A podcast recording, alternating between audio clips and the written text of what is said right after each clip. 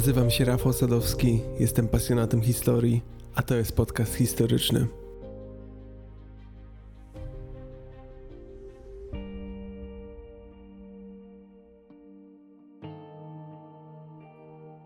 Wszyscy, którzy chcą opuścić Srebrenicę, zostaną bezpiecznie przetransportowani.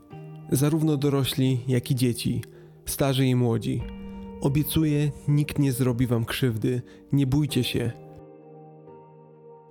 Tymi słowami Radko Mladic, dowódca wojsk serbskich, zwrócił się do przerażonych bośniaków szukających schronienia w Srebrenicy. Srebrenica to jedno z niewielu ocalałych po wojnie bośniacko-serbskiej miast. Słowa te sprawiły Mladiczowi trudność, bo wiedział, co wkrótce nastąpi. Chwilę po tym, jak upewnił się, że zapanował już nad tłumem, na jego rozkaz rozpoczęła się rzeź. Rzeź, która trwała nieprzerwanie przez 10 dni. W tym czasie siły serbskie systematycznie mordowały, jeden po drugim, ponad 8 tysięcy bośniackich muzułmanów. To do dnia dzisiejszego najstraszniejszy akt ludobójstwa na ziemi europejskiej od zakończenia II wojny światowej. Słabo uzbrojeni żołnierze sił pokojowych ONZ nie zrobili nic, kiedy wokół nich szalała przemoc. Były sekretarz generalny Kofi Annan oświadczył później: Tragedia w Srebrenicy na zawsze pozostanie piętnem historii ONZ.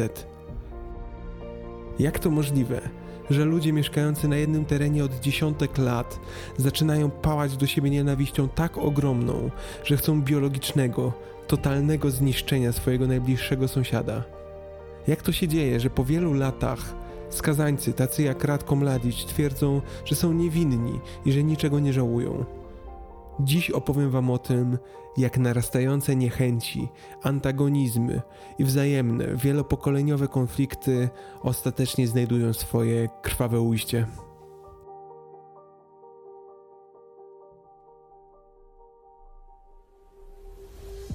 Podcast historyczny powstaje wyłącznie dzięki Waszemu wsparciu. Za każdym razem jestem przeszczęśliwy, gdy ktoś dołącza do grona wspierających. W opisie odcinka wymienieni są wszyscy patroni. W tej chwili zaś szczególnie dziękuję Monice, Łukaszowi, Mateuszowi, Łukaszowi oraz Witoldowi. Wasze wsparcie jest bardzo znaczące.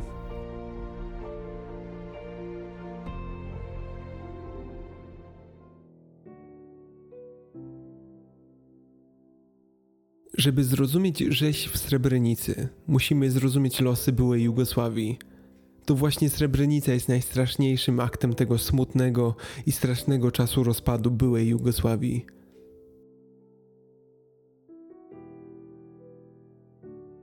Serbowie, Chorwaci, Bośniacy. To wszystko brzmi dość podobnie. Czym te nacje właściwie się różnią? Wszyscy są Słowianami, wywodzącymi się z ludów pochodzenia azjatyckiego i osiedlili się na południu Europy w VIII wieku naszej ery. Jugosławia oznacza dosłownie kraj Słowian południowych. Ale ich historie od tego czasu były bardzo różne. Serbowie, głównie prawosławni, to naród wojowników. Naród, który kiedyś kontrolował duże imperium na Bałkanach, zanim pod koniec średniowiecza dostał się pod panowanie tureckiego imperium osmańskiego. Przez wiele wieków ciemiężeni i deptani w końcu na początku XIX wieku Serbowie powstali przeciwko Turkom i ostatecznie wyzwolili Serbię, ponownie tworząc niezależne królestwo. Historia walki i narodowego wyzwolenia pozostawiła trwały ślad w obrazie każdego Serba. To naród, dla którego wolność i samostanowienie to wartości najwyższe. Dzieje Chorwatów były zupełnie inne. Ci Słowianie z północy i zachodu łatwo ulegali wpływom zachodnim, przeszli na katolicyzm i z zadowoleniem przyjęli to, że podlegali pod austro-węgierskie Imperium Habsburgów. Chorwaci dali zachodowi modę. Słowo krawat, czyli element męskiej, eleganckiej garderoby, pochodzi właśnie od słowa Chorwat. Chorwaci byli lubiani na salonach i przyjemni w obyciu. Przez wieki Serbów i Chorwatów dzieliła wojskowa granica, która była czymś więcej niż zwykłą granicą między krajami. Była to linia cywilizacyjna pomiędzy wschodem i zachodem Europy. Obie narodowości mają wspólny język, serbsko-chorwacki, ale ich dialekty ewoluowały inaczej i kiedy mówią, wyraźnie słychać różnice. Główny podział na serbski i chorwacki występuje w piśmie, ponieważ Serbowie używają cyrylicy, podczas gdy Chorwaci używają alfabetu rzymskiego. Bośniacy, trzecia nacja, są potomkami Słowian mieszkających w środkowej Jugosławii, pomiędzy Serbią na wschodzie i Chorwacją na zachodzie. Bośniacy w średniowieczu przyjęli herezję bogomiłską, rodzaj zachodniego zaratusztrianizmu, w wyniku czego byli prześladowani. Z zadowoleniem przyjęli turecki podbój w XV wieku jako uwolnienie od ich prześladowań i przeszli na islam. To jeszcze bardziej oddzieliło ich od Serbów i Chorbatów.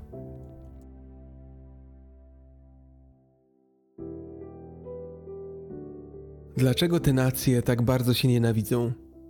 Serbowie i Chorwaci zawsze podejrzewali się nawzajem o chęć dominacji, a te podejrzenia często były podsycane przez większe mocarstwa zaangażowane w regionie. W 1914 roku austriacki arcyksiąże Franciszek Ferdynand został zamordowany przez serbskiego rewolucjonistę Gavrilo Principa, w wyniku czego Austro-Węgry zarzuciły Serbii organizację zamachu, a następnie wypowiedziały jej wojnę. To poskutkowało zawiązaniem się sojuszy i w efekcie wybuchem I wojny światowej. Pomimo ciężkich strat, Serbia zyskała dzięki swoim sojusznikom na wygranej nad Niemcami i Austro-Węgrami, łącząc w 1918 roku terytoria przejęte przez jugosłowiańskich nacjonalistów i tworząc Królestwo Serbów, Chorwatów i Słoweńców, nieoficjalnie znane jako Królestwo Jugosławii. Serbscy nacjonaliści głosili centralistyczną wizję Jugosławii, w przeciwieństwie do konfederacyjnej wizji promowanej przez Chorbatów i Bośniaków. Serbowie jednak chcieli dominacji, chcieli władzy silnej ręki, twardych zasad odpowiedzialności, jasnych granic i jednego prawa. Decentralizacja, czyli rozdrobnienie Jugosławii, stanowiłoby zaprzeczenie tych idei. Konflikty między scentralizowaną Jugosławią serbskich nacjonalistów i zdecentralizowaną Jugosławią nacjonalistów chorwackich i słoweńskich były główną przyczyną niestabilnych rządów w Jugosławii w okresie między I a II wojną światową.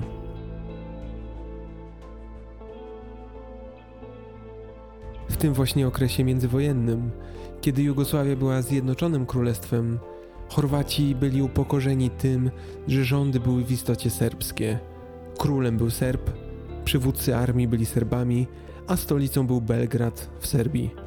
Jednak społeczność chorwacka i serbska żyły we względnym pokoju aż do 1941 roku. W międzyczasie w siłę rosły ruchy marginalizowane, zarówno skrajnie prawicowe, jak i skrajnie lewicowe.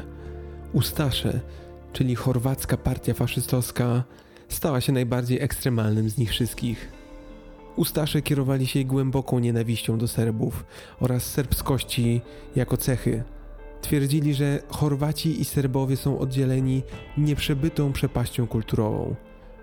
Przepaścią, która uniemożliwia im życie obok siebie.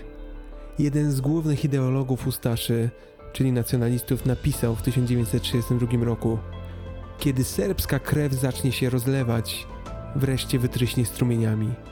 Krew wroga zamieni się w strumienie jej rzeki, a bomby rozrzucą serbskie kości, tak jak wiatr rozprasza łuski pszenicy. Każdy ustasz jest gotowy rzucić się na wroga swoim ciałem i duszą, aby go zabić i zniszczyć. Ich poświęcenie, rewolwery, bomby i noże chorwackich ustaszy oczyszczą i odetną wszystko, co zgniłe od zdrowego ciała Chorwatów. Kiedy nazistowskie Niemcy zajęli kraj w 1941 roku, wielu Chorwatów miało wreszcie okazję do zemsty. Chorwaci poszli na współpracę z III Rzeszą. Powstało marionetkowe faszystowskie państwo Chorwacji, obejmujące również Bośnię i rozpoczęły się brutalne represje, a nawet eksterminacja Serbów. Nastąpiła wojna domowa o przerażającym okrucieństwie, podczas gdy naziści jedynie się przyglądali. W trakcie tej wojny zginęło ponad milion Jugosławian. Oficjalna strategia faszystów chorwackich w tamtym czasie brzmiała: Jedna trzecia Serbów ma zostać zabita. Jedna trzecia Serbów ma zostać wydalona za granicę. Jedna trzecia Serbów ma zostać przymusowo nawrócona na katolicyzm. Niemal w każdym mieście i każdej wsi do dziś pamięta się krzywdy wyrządzone Serbom przez Chorwatów. W maju 1945 roku nastąpił koniec II wojny światowej. Do przejęcia władzy w Jugosławii przygotowywali się komuniści Józepa Broza Tity. Wiedziano, że nastroje należy uspokoić. Zaczęto więc od eliminacji Ustaszy. W listopadzie 1945 roku opanowany przez komunistów parlament ustanowił w Jugosławii republikę. Utworzono socjalistyczną, federacyjną Republikę Jugosławii, złożoną z sześciu republik: Serbii ze stolicą w Belgradzie, Chorwacji ze stolicą w Zagrzebiu, Macedonii ze stolicą w Skopju, Bośni i Hercegowiny ze stolicą w Sarajewie, Słowenii ze stolicą w Lublianie oraz Czarnogóry ze stolicą w Podgoricy. I tak rozpoczęły się rządy Józepa Broza Tity. Niepodzielnie panującą w powojennej Jugosławii siłą polityczną była partia Związek Komunistów Jugosławii. Na jej czele stał Tito właśnie. Partia ta jako jedna z niewielu w bloku wschodnim cieszyła się realnym poparciem społeczeństwa. Rządzona przez Titę Jugosławia była nie mniej totalitarna niż którekolwiek z pozostałych państw socjalistycznych, jednocześnie jednak Tito prowadził politykę niezależności od ZSRR.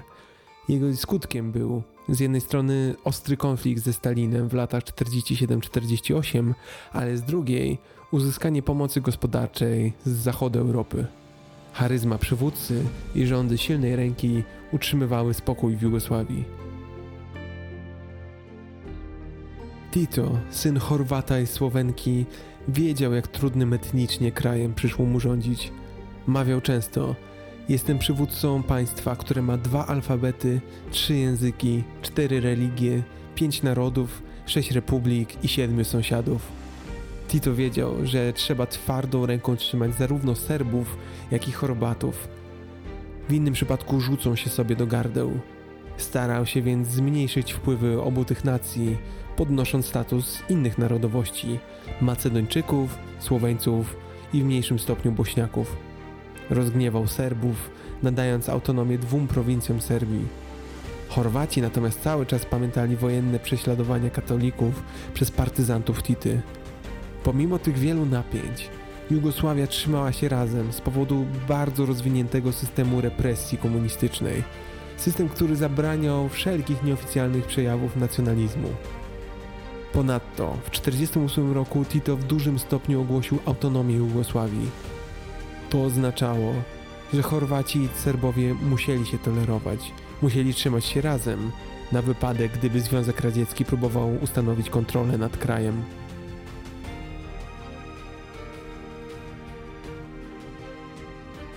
Gdzie w tym wszystkim jest Bośnia i Hercegowina? Serbia jest głównie serbska, a Chorwacja głównie chorwacka. Bośnia i Hercegowina, kraj pomiędzy, to etniczna układanka, którą dodatkowo komplikuje obecność muzułmanów. Bośnia to północna część, nazwana na cześć rzeki zwanej niegdyś Bosanius, podczas gdy Hercegowina, wcześniej ziemia Hum, zawdzięcza swoją nazwę niemieckiemu słowu herzog, czyli książę.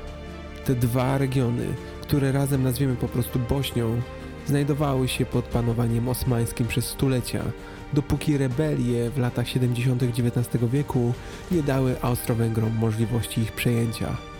Historia Bośni, podobnie jak jej demografia, jest zatem bardziej zagmatwana niż historia jej sąsiadów, w wyniku czego mieszkańcy Bośni i Hercegowiny mają bardzo niejednolite poczucie tożsamości. Tamtejsi Serbowie nadal identyfikowali się z Serbią, a tamtejsi Chorwaci z Chorwacją, podczas gdy muzułmanie obawiali się obu stron.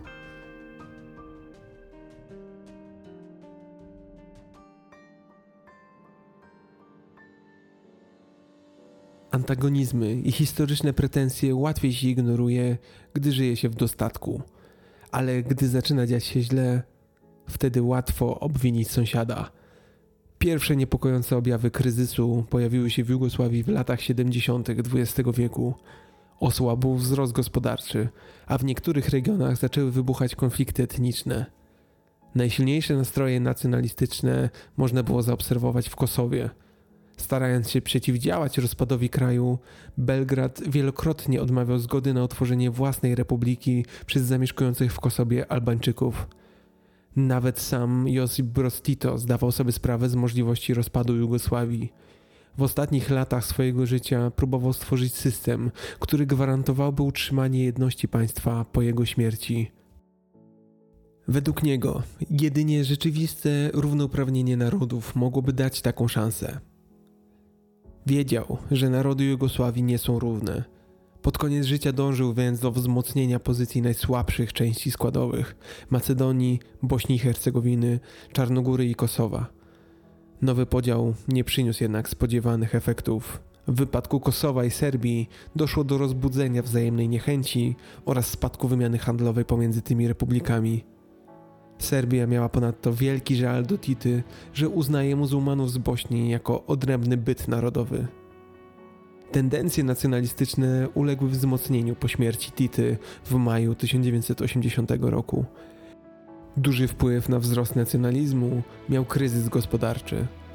Publicznie zaczęto spekulować na temat rozpadu Jugosławii. W marcu 1981 roku Albańczycy z Kosowa rozpoczęli protesty przeciwko federacji. W stolicy regionu, czyli w Prysztinie, wybuchły zamieszki na tle etnicznym. W 81 i 82 roku wybuchły manifestacje studenckie. Władza rozwiązywała problemy siłą, zamykano szkoły, a protestujących bito. W marcu 1983 roku Związek Komunistów Jugosławii wezwał do jedności narodowej.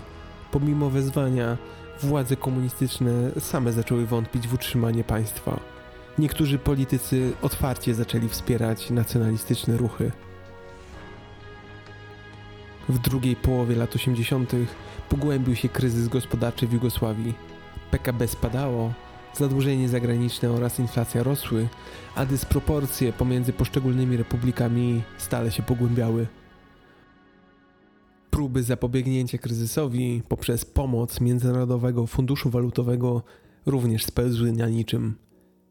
Kryzys gospodarczy pogłębiał tendencje niepodległościowe.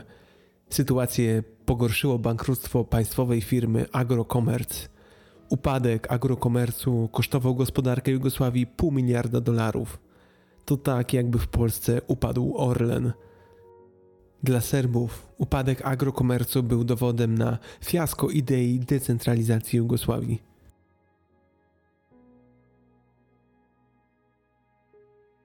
W latach 85, 87 i 88 stale dochodziło do zamieszek w Kosowie. Podczas zamieszek w 1987 roku Albańczycy dotkliwie bili dyskryminowanych Serbów. Morale Serbów było bardzo niskie. Byli załamani tym, że nikt się z nimi nie liczy.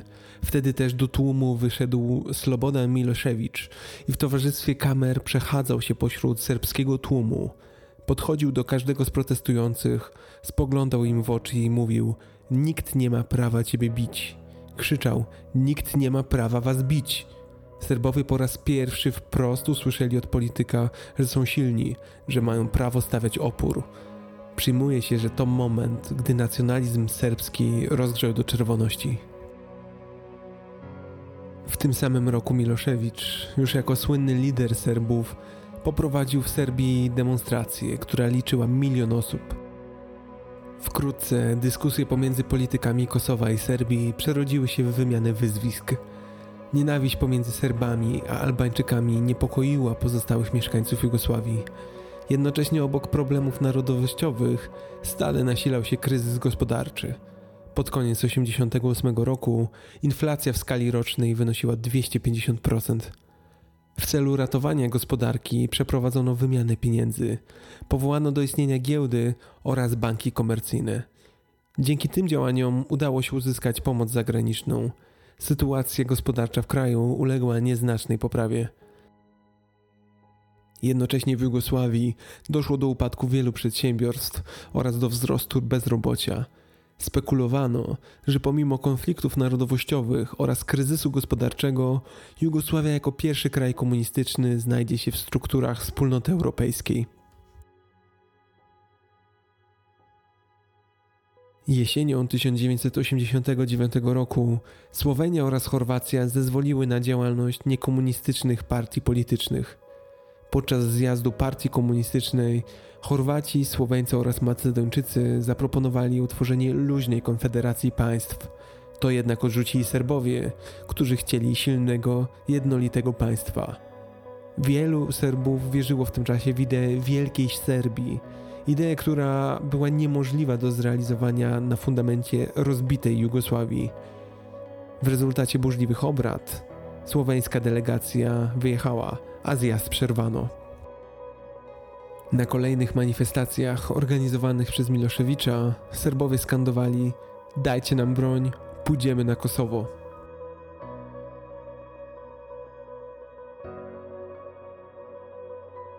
W styczniu 1990 roku, po 44 latach prób utrzymania w jedności ośmiu państw, pomimo starań, aby wszyscy poczuli się członkami jednego narodu, nagle wszystko się rozpadło. Jugosławia przestała istnieć. To oznaczało, że Bośnię i Hercegowinę, Chorwację, Macedonię, Czarnogórę, Serbię, Kosowo, Wojewodinę i Słowenię czekała samodzielność.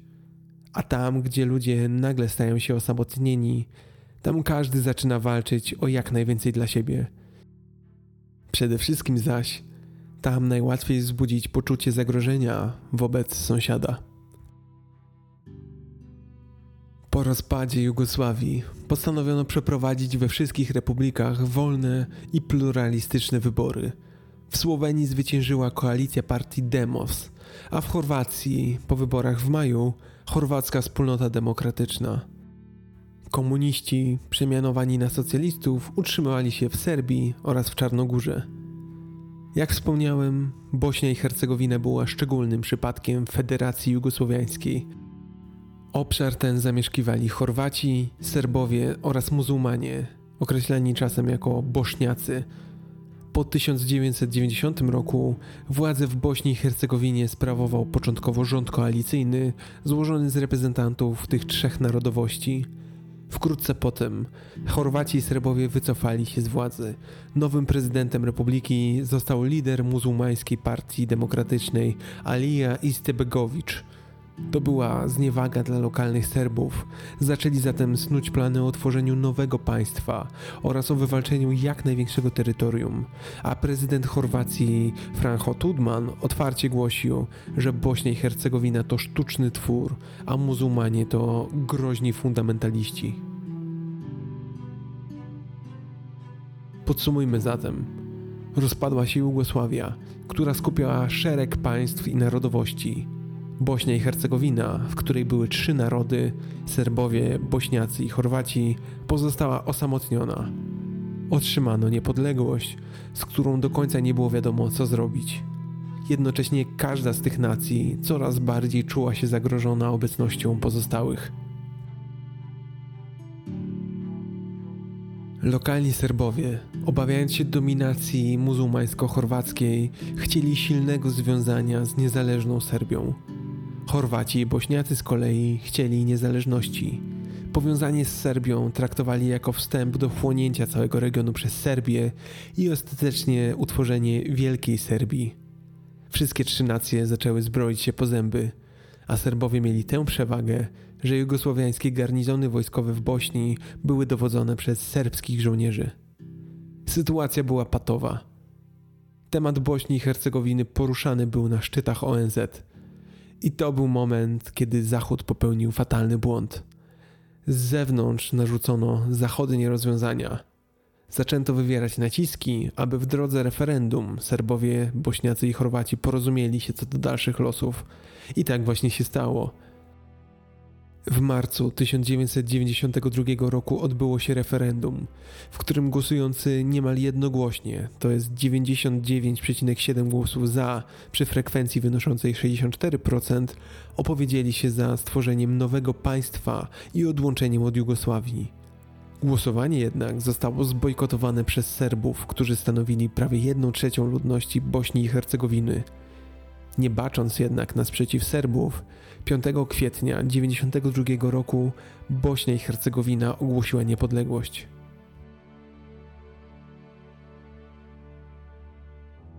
To oznaczało, że powstało nowe państwo, w którym jedna trzecia mieszkańców czuła się członkami innego państwa Serbii. Serbowie nie rozumieli istoty referendum, nie zgadzali się z jego wynikiem. Dla nich oznaczało ono, że Serbii podstępnie zabrano potencjalne terytorium.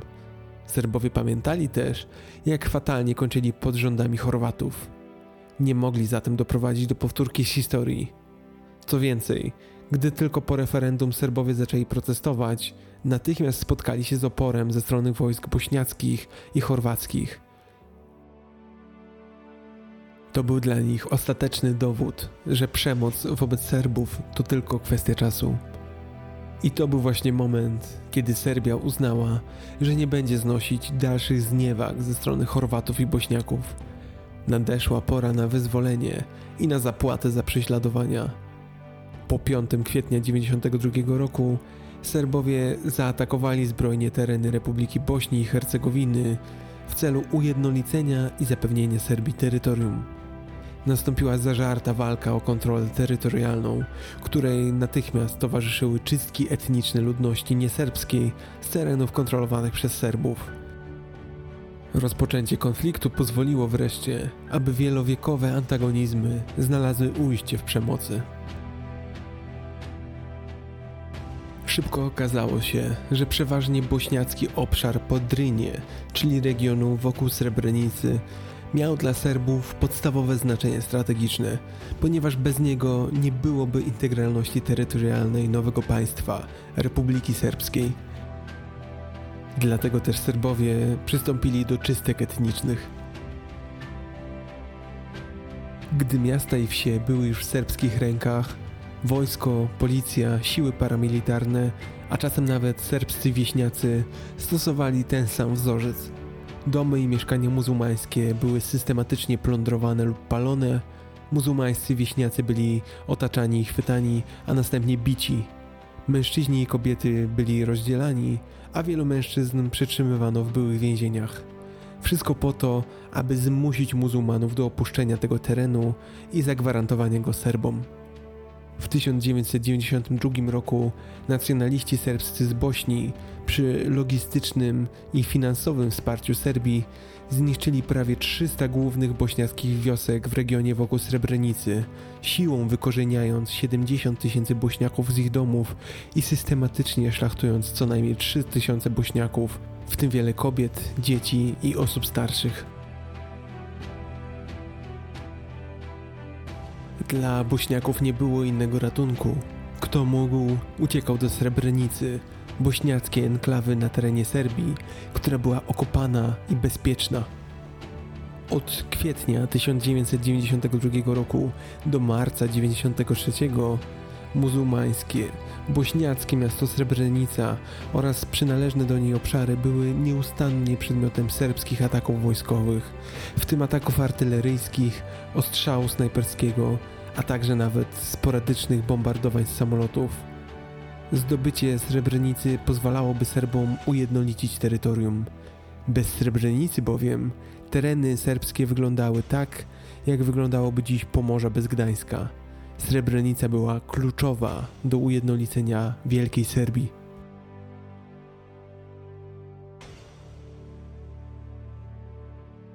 Do stycznia 1993 roku Srebrenica i okoliczne tereny osiągnęły swój szczytowy rozmiar 900 km2. Cały czas oddzielona była od Bośni. Cały czas znajdowała się na terytorium Serbii i cały czas stawiała opór oraz dawała schronienie Bośniakom uciekającym przed serbską przemocą. W ciągu następnych kilku miesięcy serbskie wojsko zajęło wsie Koniewicz, Polie i Czerska, odcinając połączenie między Srebrenicą i Rzepą i zmniejszając rozmiar enklawy Srebrenicy do 150 km2. Bośniacy z terenów peryferyjnych skupili się w mieście Srebrenica, a jej populacja wzrosła do 60 tysięcy osób. ONZ wiedziało, że sytuacja robi się naprawdę groźna. Generał Philippe Morillon z Francji, dowódca sił ochronnych Narodów Zjednoczonych, odwiedził Srebrenicę w marcu 1993 roku. Miasto było wtedy skrajnie przeludnione, a warunki, jakie tam panowały, przypominały niemal średniowieczne oblężenie. Nie było żadnej bieżącej wody, ponieważ nacierające siły serbskie niszczyły wodociągi. Ludzie polegali na prowizorycznych generatorach prądu. Żywność, lekarstwa i inne podstawowe produkty były niezwykle rzadkie. Przed wyjazdem generał Morillon powiedział spanikowanym mieszkańcom Srebrenicy, że miasto jest pod ochroną ONZ i że ONZ nigdy ich nie opuści.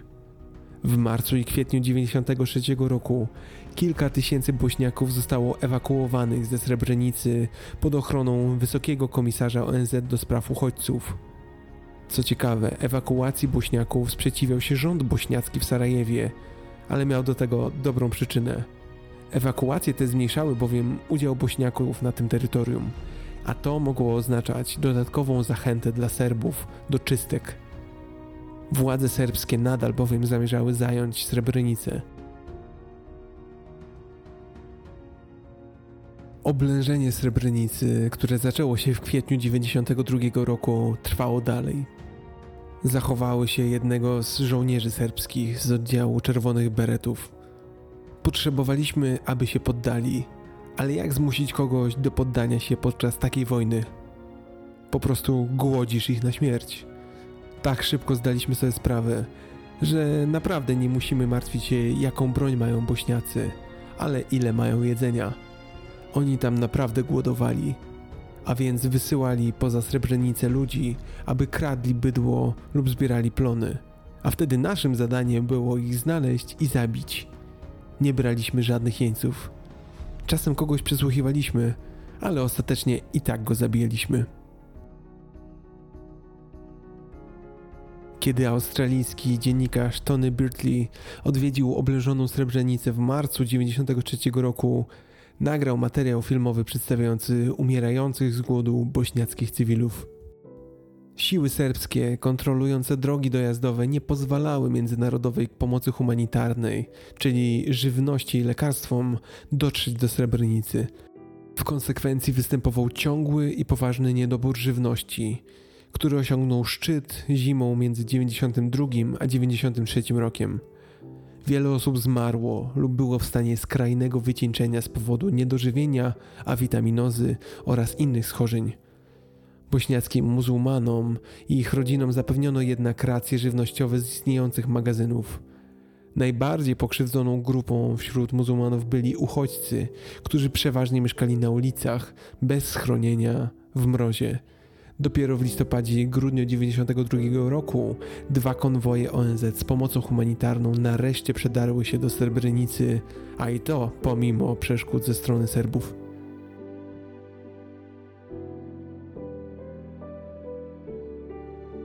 ONZ miało dość tej sytuacji, którą na posiedzeniach nazywano powolnym ludobójstwem Bośniaków.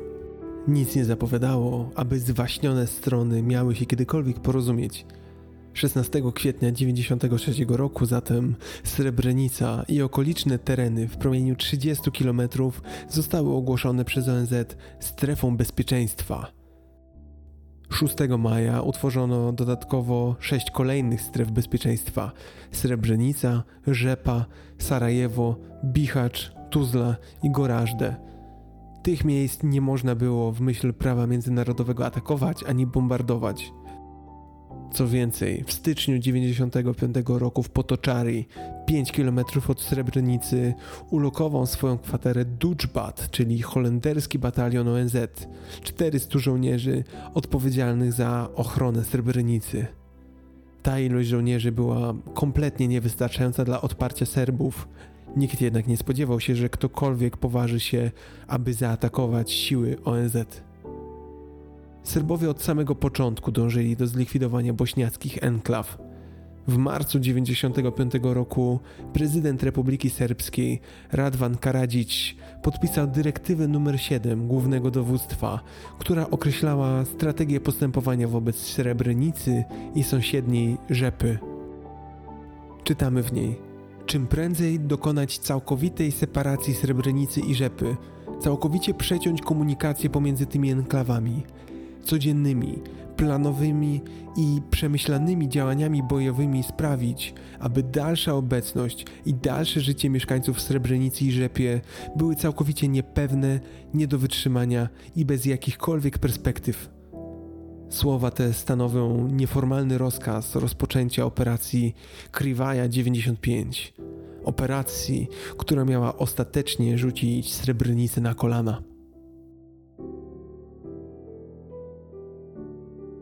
6 lipca 1995 roku korpus Drina Armii Republiki Serbskiej, liczący około 4,5 tysiąca żołnierzy, dowodzonych przez generała Milenkę Ziwanowicza, rozpoczął ostateczną operację przeciwko srebrenickiej enklawie. Otwarto ogień na muzułmańskie pozycje znajdujące się na południu, ostrzeliwując także stanowiska obserwacyjne Holendrów z Dutchbatu, aby zmusić ich do ucieczki. Cel ten został osiągnięty.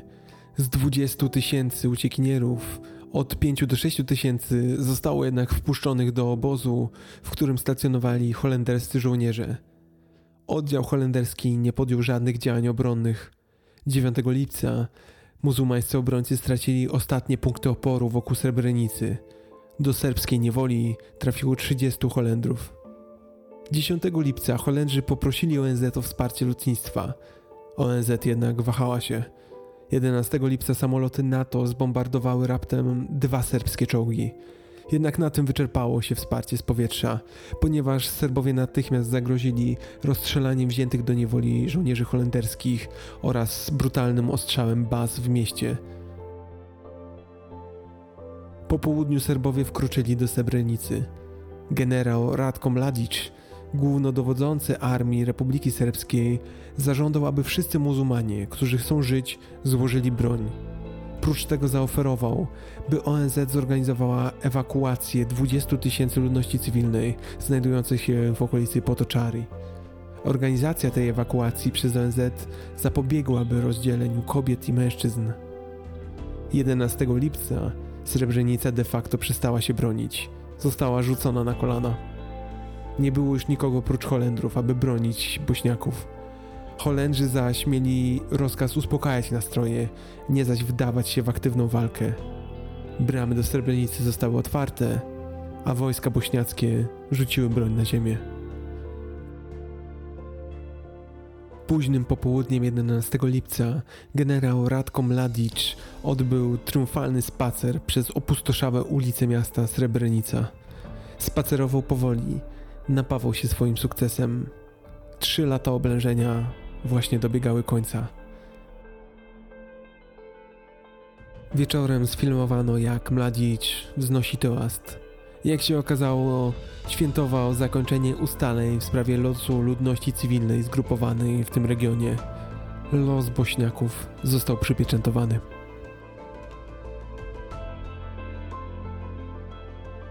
Zdobyta Srebrenica to kłopot z tysiącami bośniackich uciekinierów, którzy przez lata właśnie tam szukali schronienia. Nie mieli dokąd odejść. Wszędzie wokół były tereny serbskie. Mladic zdawał sobie sprawę, że ulice Srebrenicy muszą spłynąć krwią. Chciał, aby jego zwierzchnicy również mieli tego świadomość. Do dowództwa zaraportował – Ludzie nie są kamykami, które można tak po prostu upchnąć w kieszeń i przenieść z miejsca na miejsce. To nie będzie bezbolesna operacja. Nie wiem, jak wyjaśnicie to światu. Oświadczam, to będzie ludobójstwo. Wieczorem 11 lipca 1995 roku około 25 tysięcy bośniackich uchodźców z Srebrenicy udało się pod holenderski Dutchbat – Kilka tysięcy bośniaków tłoczyło się wewnątrz samego kompleksu, wypełniając go po brzegi. Dla reszty nie było już miejsca, zatem zbierali się na okolicznych polach i przy sąsiednich fabrykach. Nie chroniło ich z zewnątrz nic. Liczyli jednak, że Serbowie nie będą zbliżać się do terenów ONZ. Warunki były tragiczne. Brak jedzenia lub wody, skrajna duchota. Jeden z oficerów Dżbatu tak opisywał te sceny. Ludzie wpadali w panikę, byli przerażeni, tratowali się nawzajem. Tratowali moich żołnierzy, którzy próbowali ich uspokoić. To był istny chaos. Dżbat zgłosił natychmiast tę sytuację do ONZ. Jaka była reakcja? 12 lipca Rada Bezpieczeństwa Organizacji Narodów Zjednoczonych wyraziła zaniepokojenie sytuacją humanitarną i jednocześnie potępiła ofensywę sił bośniackich Serbów, zażądała natychmiastowego ich wycofania. Tymczasem rozpoczynała się masakra. Masakra, która miała trwać przez następne 10 dni do 22 lipca 1995 roku. Opisując ją, będę posiłkował się zeznaniami świadków, którzy przeżyli te okropności.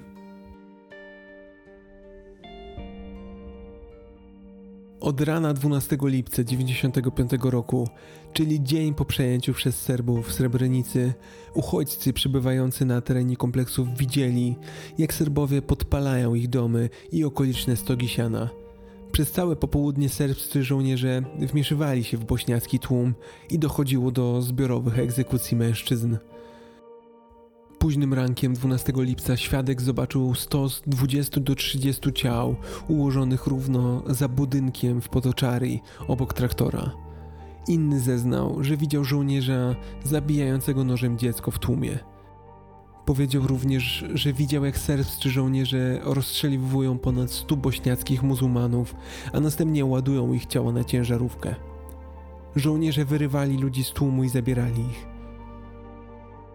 Kolejny ze świadków opowiadał, jak trzech braci, jeden w wieku kilku lat, a pozostali nastolatkowie, zostali zabrani w nocy.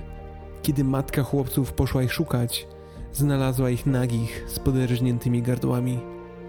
Tamtej nocy jeden z holenderskich żołnierzy był świadkiem, jak dwóch Serbów gwałciło młodą kobietę. Jeden z ocalałych opisał zabójstwo dziecka gwałt na kobietach w bliskim sąsiedztwie holenderskich sił pokojowych. Holendrzy nie zrobili nic, aby temu zapobiec. Według ocalałego, Serb powiedział matce, żeby jej dziecko przestało płakać, a kiedy to dalej płakało, wziął je i poderżnął mu gardło, po czym się roześmiał. W tłumie rozeszły się opowieści o gwałtach i zabójstwach, a terror nasilał się.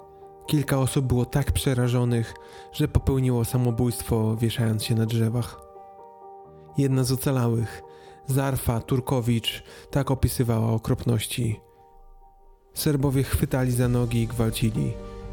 Można było krzyczeć, wrzeszczeć, błagać. Nie robili sobie z tego nic.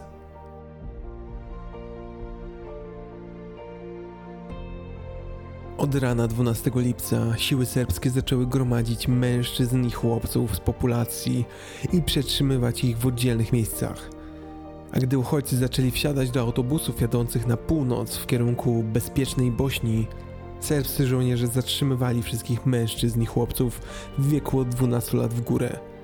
Ci mężczyźni byli następnie zabierani do budynku zwanego Białym Domem w okolicy Potoczary.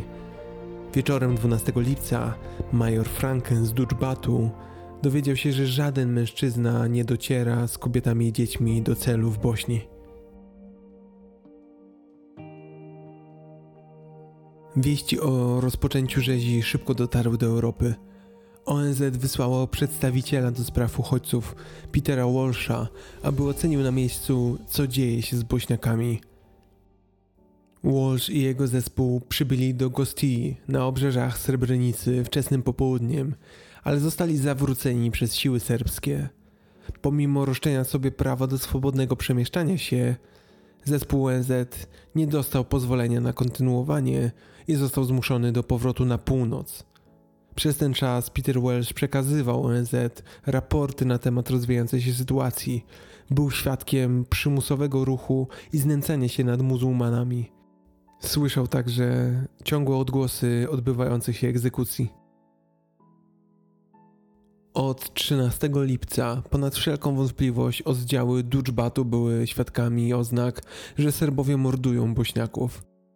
Na przykład kapral Wasen widział, jak dwóch żołnierzy zabierało człowieka za Biały Dom, słyszał strzał, a następnie żołnierze wracali sami. Inny oficer holenderski widział, jak serbscy żołnierze mordują nieuzbrojonego mężczyznę jednym strzałem w głowę i słyszał strzały do 40 razy na godzinę przez całe popołudnie. Kiedy żołnierze Dżbatu powiedzieli podpułkownikowi Kingori, obserwatorowi wojskowemu ONZ, że mężczyźni są zabierani za Biały Dom, pułkownik Kingori poszedł zbadać sprawę. Słyszał strzały, gdy się zbliżał, ale został przechwycony przez serbskich żołnierzy i nie pozwolono mu iść dalej. Niektóre egzekucje prowadzono w nocy przy sztucznym świetle, a następnie buldożery spychały ciała do masowych grobów. Według dowodów zebranych od Bośniaków przez francuskiego inspektora Jean-René Rueza, egzekucji dokonywano tak szybko, że niektórzy ludzie byli grzebani żywcem. Dochodziło do prawdziwych potworności. Niektórym ludziom dawano wybór: odcięcie nosa, ust i uszu albo zabójstwo. Dorosłych zmuszano do patrzenia, jak żołnierze zabijają ich dzieci. Tysiące kobiet i dziewcząt padło ofiarą gwałtu, wykorzystywania seksualnego i innych form tortur. Z zeznań Zumry Szachomerowicz w pewnym momencie Serbowie zaczęli wyciągać dziewczęta i młode kobiety z grup uchodźców. Rozpoczęły się gwałty. Często odbywały się na oczach innych, a czasem nawet na oczach dzieci. Obok stał holenderski żołnierz, który po prostu rozglądał się z Walkmanem na głowie. W ogóle nie reagował na to, co się dzieje. To wszystko działo się na moich oczach. To wszystko widzieli też Holendrzy. Niemożliwe, żeby tego nie widzieli. Z dalszych zeznań Zumry widziałam jeszcze bardziej przerażające rzeczy. Na przykład była tam dziewczynka, miała około 10 lat. W pewnym momencie rozkazali jej bratu, aby ją zgwałcił. Nie zrobił tego, więc zamordowali tego chłopca. Osobiście to wszystko widziałam. To wszystko działo się w bezpośrednim sąsiedztwie bazy Duczbatu. Świadectwo Ramiza Gurdicza. Widziałem, jak zabijano ciężarne kobiety. Nożem dźgano je w brzuchy. Na to wszystko patrzyłem własnymi oczami. Holendrzy z Duczbatu nie robili nic, bo było ich raptem 400, zaś Serbów tysiące. Oczekiwano na wsparcie NATO, które miało rychło nadejść.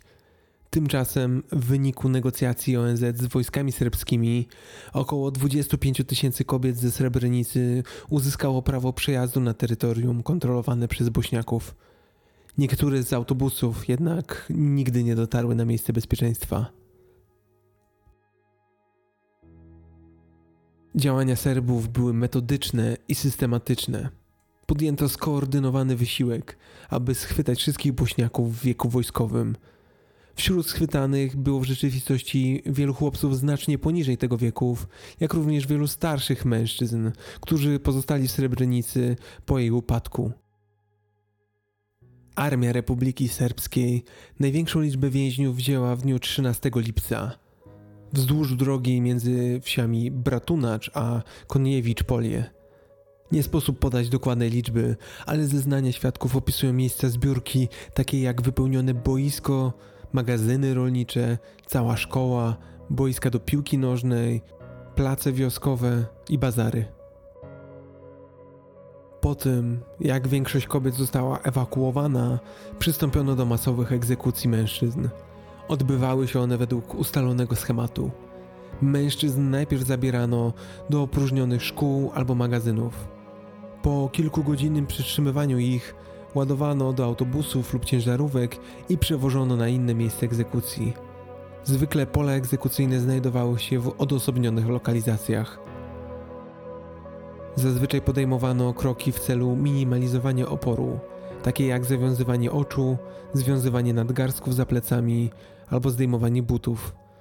Na polach śmierci mężczyźni byli zabierani z ciężarówek w małych grupach, ustawiani w szeregu i rozstrzeliwywani.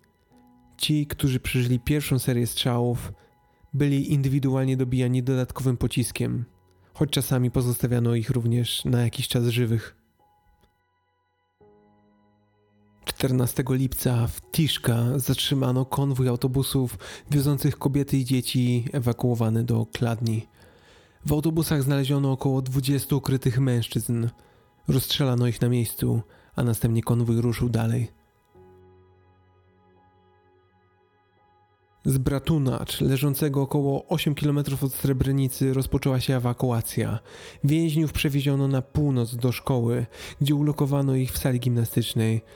Następnie wywieziono jeńców na pole i rozstrzelano. Kolejną grupę wywieziono do szkoły w Petkowci, rozstrzelano ich nad Tamą. Egzekucje trwały od popołudnia do nocy, rannych dobijano jeszcze rano. Tych dwóch egzekucjach zabito ponad tysiąc mężczyzn. W Grbawci Serbowie zastrzelili strzałami w tył głowy około tysiąca mężczyzn, wielu z nich w młodym wieku lub bardzo starych, prawdopodobnie ponownie wyselekcjonowanych z konwojów ewakuowanych. 16 lipca na farmie Braniewo od godziny 10 do 15 ciągle trwały rozstrzeliwania. Jeńców dowożono autobusami. Po egzekucji jeńców znajdujących się w miejscowym domu kultury również rozstrzelano. Użyto również granatów.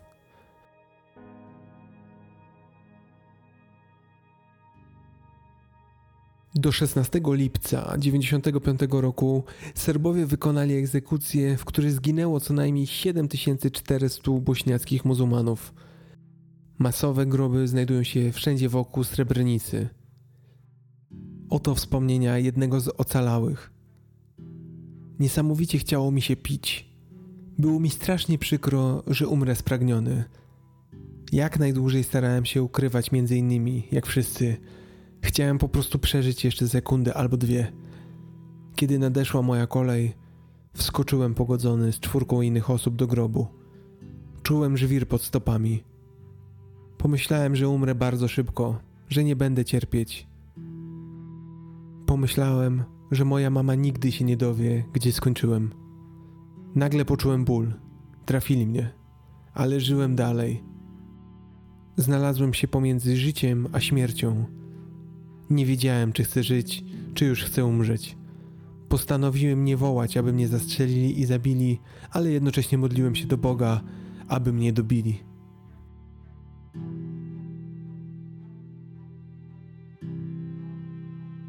Świat wiedział, że w Srebrenicy dzieją się potworności, ale nie reagował. W ciągu kilku dni po masakrze amerykańskie samoloty szpiegowskie przeleciały nad Srebrenicą i zrobiły zdjęcia, które pokazały, jak usuwano ziemię na rozległych obszarach wokół miasta. To świadczy o masowych pochówkach. Dopiero 1 sierpnia NATO zagroziło nalotami, jeśli zaatakowane zostaną kolejne bośniackie enklawy. W sierpniu Chorwaci szybkim uderzeniem zdobyli kontrolowaną przez Serbów część Chorwacji. Następnie wkroczyli do Bośni. Pod koniec sierpnia 95 roku bośniaccy Serbowie, ostrzeliwując Gorażdę i Sarajewo, zmusili rząd Republiki Bośni i Hercegowiny do zwrócenia się z oficjalną prośbą o pomoc do NATO – Prośba ta była tym bardziej uzasadniona, że 18 sierpnia ONZ podała do publicznej wiadomości informację o wycofaniu kontyngentu brytyjskiego, przy czym nie zamierzano wprowadzić innych jednostek pokojowych. Rząd Bośni słusznie obawiał się zatem o bezpieczeństwo 60 tysięcy muzułmanów, których pozostawiono właściwie bez żadnego wsparcia ze strony społeczności międzynarodowej. Cztery dni później bośniacy Serbowie ostrzelali z moździerzy Sarajewo. W tym czasie rząd Bośni i Hercegowiny czynił wiele starań, aby zachęcić zarówno państwa zachodnie, jak i NATO do interwencji militarnej. Ambasador USA Richard Holbrooke, występując w amerykańskim programie telewizyjnym, oświadczył, że jeżeli rozmowy pokojowe zostaną zerwane, NATO natychmiast rozpocznie nową operację powietrzną, zakładającą tym razem aktywne uderzenia lotnictwa sojuszu na oddziały bośniackich Serbów we wszystkich strefach bezpieczeństwa oraz na zintegrowany system obrony przestrzeni powietrznej. Krótko po godzinie 10 w poniedziałek, 28 sierpnia 1995 roku, na stolicę Bośni spadło pięć pocisków, z których cztery trafiły w znajdujące się w centrum miasta targowisko. W wyniku tego ostrzału śmierć poniosło 37 osób, a 80 zostało rannych. Wobec tego rząd Bośni zagroził bojkotem mających się rozpocząć rozmów pokojowych, jeśli mimo tego już kolejnego ataku na Sarajewo NATO i ONZ nie zainicjują uderzeń lotniczych.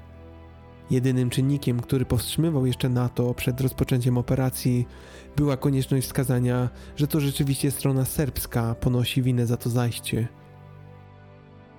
W czasie, gdy prowadzący śledztwo oficerowie ONZ poszukiwali dowodów mogących potwierdzić lub wykluczyć winę Serbów, ostatni żołnierze brytyjskiego kontyngentu ONZ opuszczali Gorażdę, kierując się w stronę granicy z Serbią i Czarnogórą.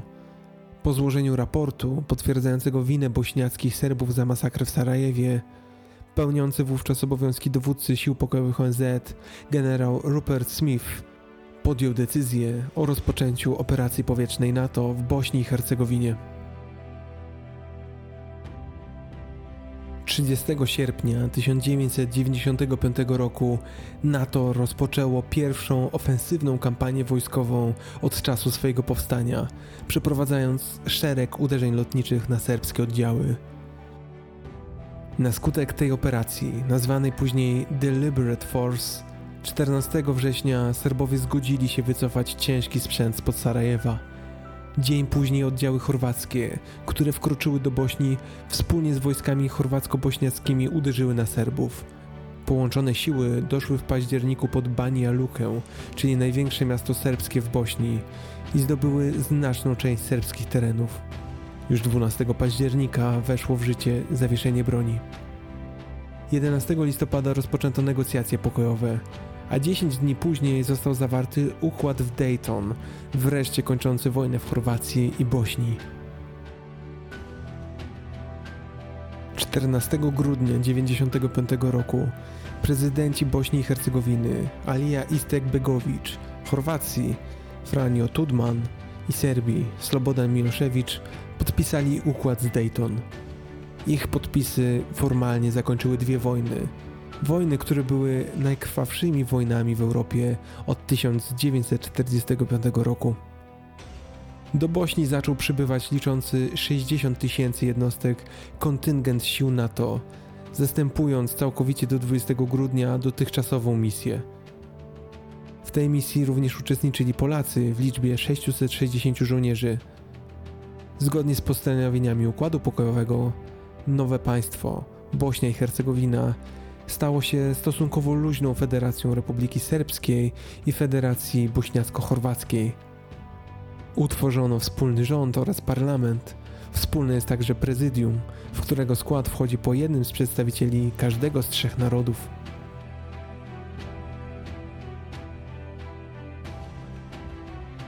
Bilans wojny w Bośni nigdy nie został jednoznacznie ustalony.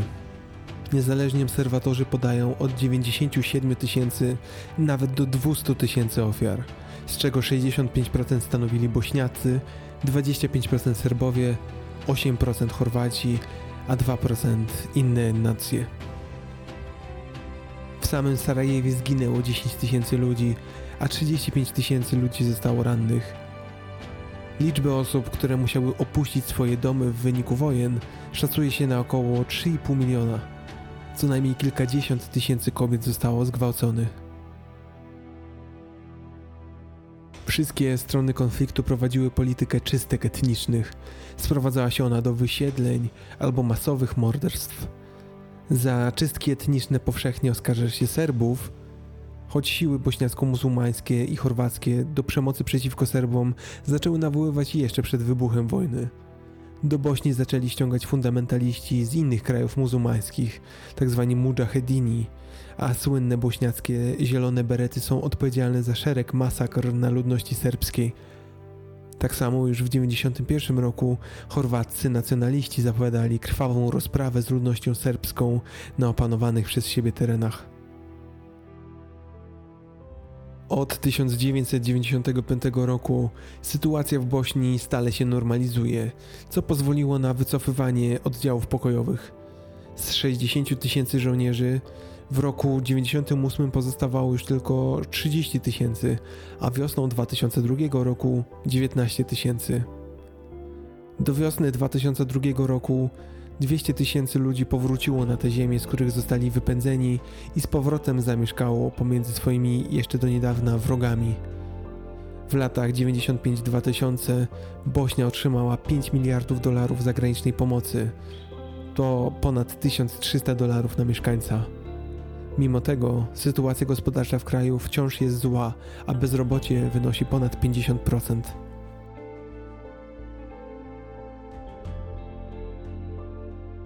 1 czerwca 2005 roku, 10 lat po masakrze, podczas procesu Slobodana Miloszewicza przedstawiono materiał wideo, który mają świadczyć o udziale członków jednostek policji Serbii w masakrze w Srebrenicy. Materiał wideo przedstawia prawosławnego księdza błogosławiącego kilku członków serbskiej jednostki znanej jako Skorpiony – Później pokazano tych żołnierzy, którzy fizycznie znęcają się nad cywilami. Nagranie pokazuje następnie egzekucję czterech cywilów i pokazuje ich martwych na polu.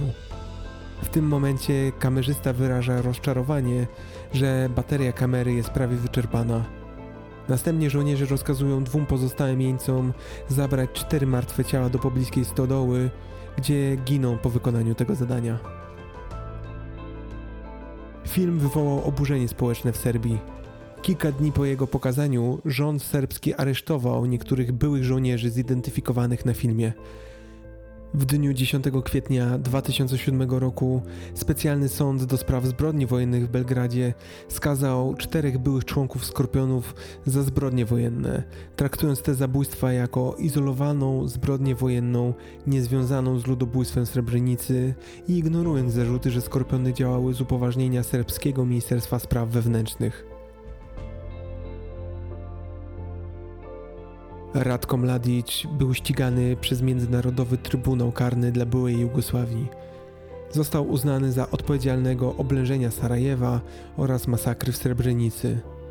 Rząd Stanów Zjednoczonych oferował 5 milionów dolarów za informacje o jego miejscu ukrywania, zaś Serbia była gotowa zapłacić 10 milionów dolarów za wskazanie miejsca pobytu Mladicia. Mladic został aresztowany 26 maja 2011 roku a 22 listopada 2017 został skazany na karę dożywotniego pozbawienia wolności. 24 marca 2016 roku Międzynarodowy Trybunał Karny uznał Radowana Karadicia winnym zbrodni przeciwko ludzkości, w tym ludobójstwa Srebrenicy i skazał go na 40 lat pozbawienia wolności. 20 marca 2019 roku Izba Odwoławcza tego sądu odrzuciła apelację i zmieniła poprzedni wyrok na karę dożywotniego pozbawienia wolności.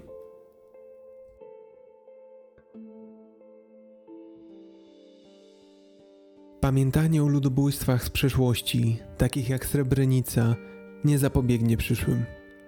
Niemniej jednak pamięć o okrucieństwach z przeszłości jest niezwykle ważna – Pozwala bowiem ludziom zatrzymać się i zastanowić, uhonorować zmarłych, celebrować to, co jednoczy ludzkość i współpracować, aby przezwyciężać różnice.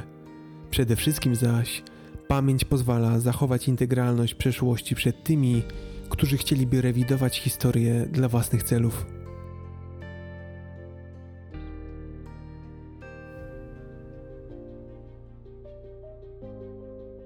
Moi drodzy, chcę, aby jakość mojej pracy rosła. Dołączcie do mnie i razem twórzmy podcast historyczny. Jeżeli macie taką możliwość, zajrzyjcie na mój profil Patronite. Za każde wsparcie serdecznie dziękuję. Pokazuje mi bowiem, że moja praca ma sens. Dziękuję wszystkim wspierającym patronom, którzy zostają wymienieni w opisie odcinka. Dajecie mi siłę i pasję do działania. Będę wdzięczny za subskrybowanie kanału na YouTube, recenzję na Apple Podcasts oraz przede wszystkim za podzielenie się tym podcastem ze znajomymi. Do usłyszenia, dobrego dnia, cześć.